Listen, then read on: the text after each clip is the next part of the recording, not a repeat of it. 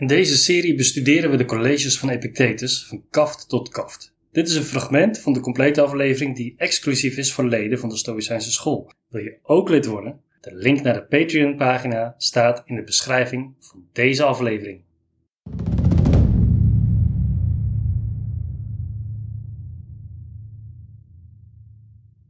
Hallo allemaal, welkom in deze nieuwe aflevering van de Stoa van Epictetus.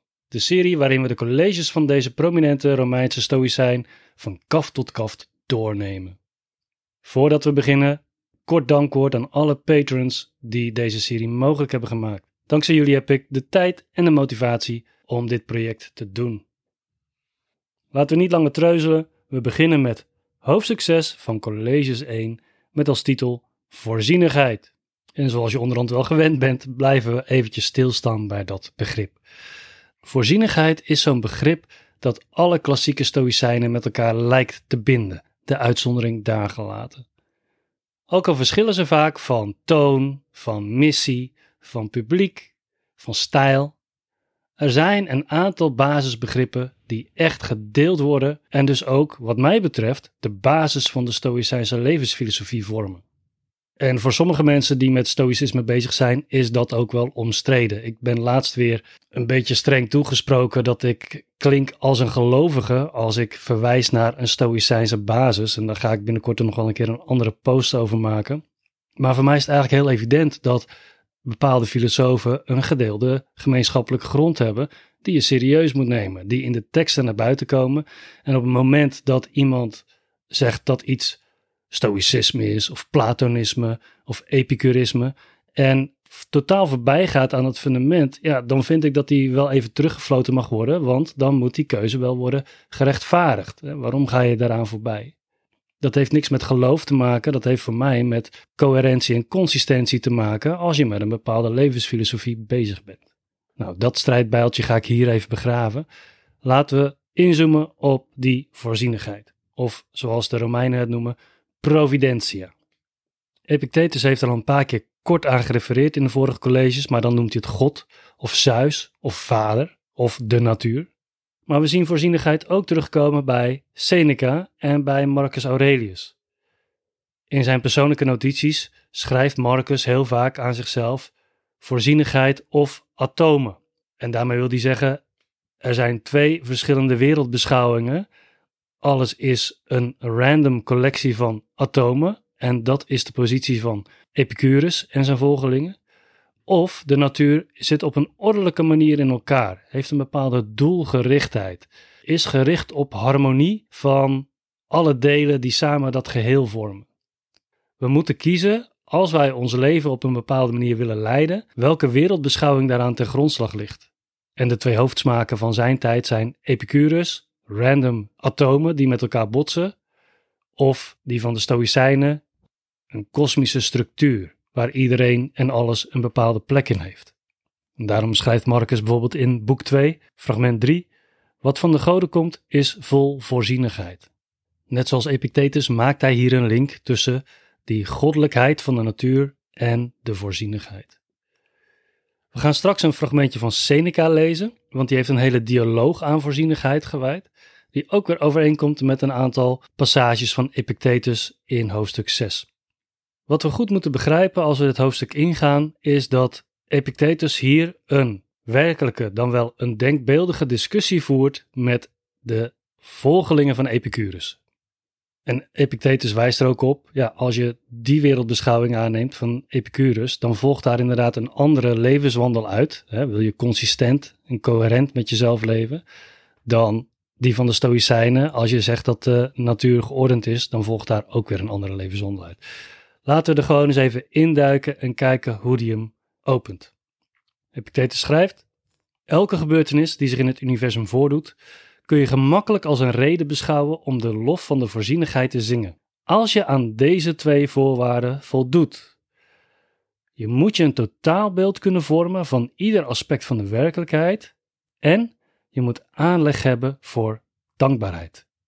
Als die ontbreken, zul je ofwel niet zien waartoe alles wat gebeurt dient, ofwel helemaal geen dankbaarheid voelen, ook al zie je dat allemaal wel. Hier gebeurt alweer een hoop. Want hier zien we dus die levenshouding die voortkomt of voort moet komen uit die wereldbeschouwing van de Stoïcijnen. Laten we eerst eens kijken naar dat idee van lof zingen. Lof zingen van de voorzienigheid.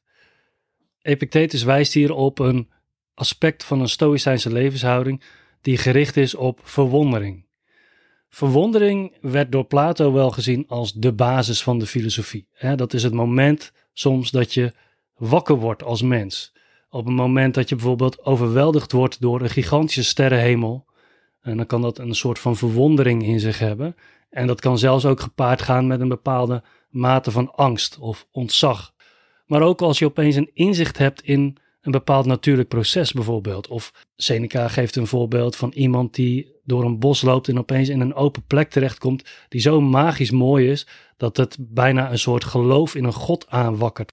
Dat is het type verwondering, een soort eerbied en ontzag voor de natuur, waar Epictetus het ook over heeft. En daarbij sluit hij aan bij een aantal vorige Stoïcijnse filosofen, dat je ook tot uiting kan laten komen. De schoonheid van de natuur, ja, daar, daar kun je de lof van bezingen. In poëzie bijvoorbeeld, maar ook in traktaten. Of gewoon in de ervaring zelf, op het moment dat je in de natuur bent.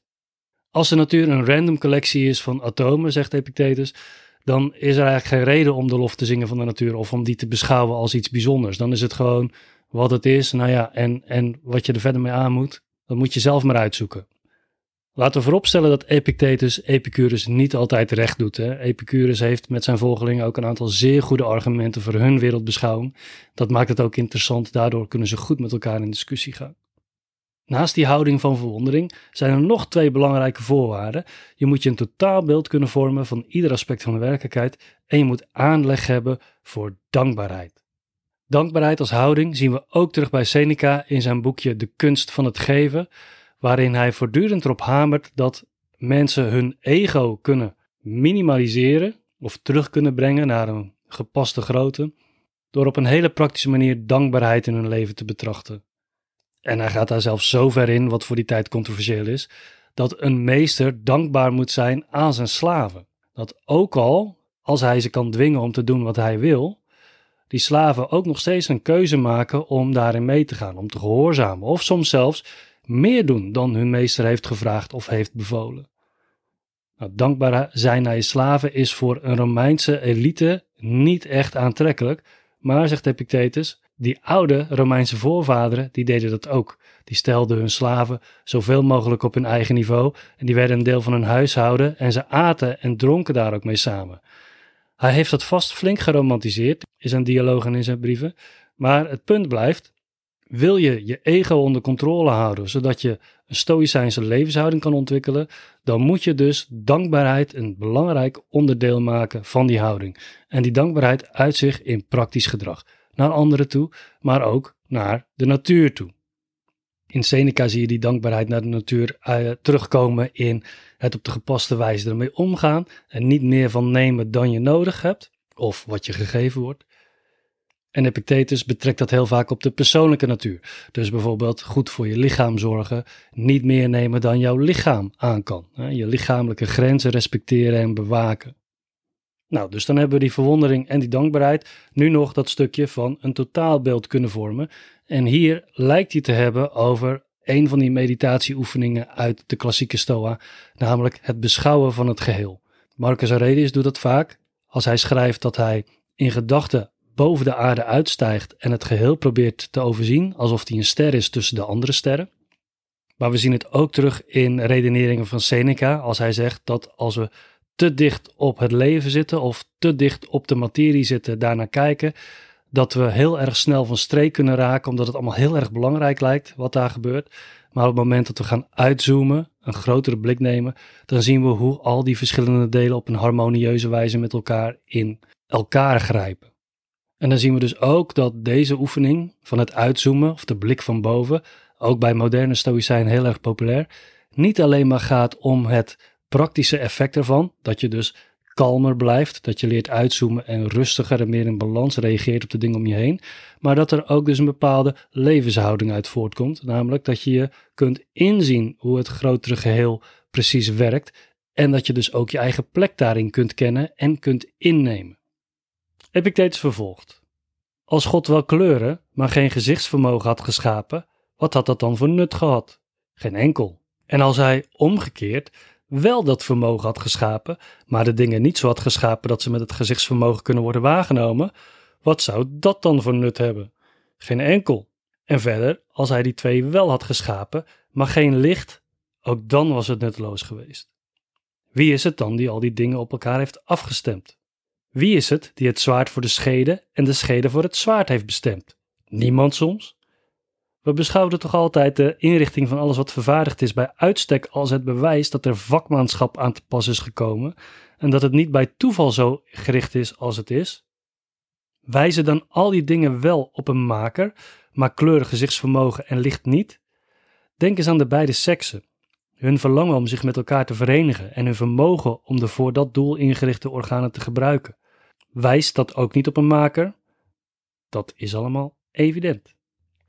Dit zijn passages waar je als modern mens moeite mee kan hebben, want het lijkt erop alsof Epictetus hier een vorm van intelligent design neerzet. Het idee dat de natuur op een intelligente manier door een maker is geschapen.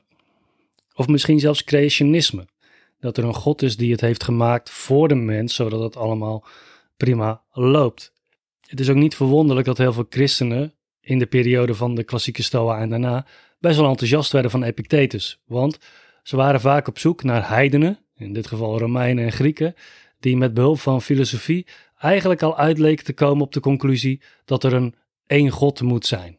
En dat was natuurlijk dan de christelijke God. En hier moeten we dus heel erg goed ons best doen om niet door dat filter van het christendom te kijken naar dit soort passages. Want volgens de Stoïcijnen is er geen God buiten de natuur die het maakt volgens een plan. Nee, God is de natuur zelf. Het is een organisme en net zoals elk organisme zoekt het naar een bepaald evenwicht of een bepaalde harmonie in zichzelf en met de leefomgeving om goed voort te kunnen bestaan, zodat alles wat een onderdeel ook is van het organisme ook voort kan blijven bestaan. Dus een stoïcijn die het heeft over de verwondering en dankbaarheid en, en het grotere geheel zien, die spreekt niet zozeer als een christen of een, moslim die zeggen van goh, wat heeft God de natuur toch mooi gemaakt. Maar vaak lijkt hun houding veel meer op die biologen die een natuurdocumentaire inspreken. Die de meest verschrikkelijke dingen zien gebeuren. Dieren die elkaar verscheuren, opeten of, of welpjes die aan stukken worden gescheurd door een nieuwe mannetjesleeuw en dergelijke. En daar toch met zeer veel enthousiasme naar kunnen kijken. Waarom? Omdat ze het perspectief hebben dat dit een uiting is van een veel grotere harmonie. Ze kunnen dus uitzoomen boven wat daar nou precies gebeurt dood en verderf en zien hoe dat samenhangt met een hele grote kringloop waarin alle dieren hun eigen plek innemen. Epictetus vervolgt. Maar kijk ook eens hoe ons denkvermogen is ingericht. Hoe dat ons in staat stelt ons niet alleen door de indrukken van waargenomen dingen te laten treffen, maar daarbij ook keuzes te maken. Dingen van elkaar af te trekken of bij elkaar op te tellen, andere dingen met elkaar in verband te brengen en, bij Zeus, ook nog bij dingen die op de een of andere manier met elkaar te maken hebben, uit het ene een conclusie te trekken met betrekking tot het andere. Zijn ook die vermogens niet indrukwekkend genoeg? Bieden die niet voldoende redenen om het bestaan van een maker te erkennen? Laten ze ons anders maar eens uitleggen wat het dan wel is waardoor dat alles wordt gemaakt. Of hoe het mogelijk is dat zulke wonderbaarlijke staaltjes van vakmanschap zich zomaar vanzelf voordoen.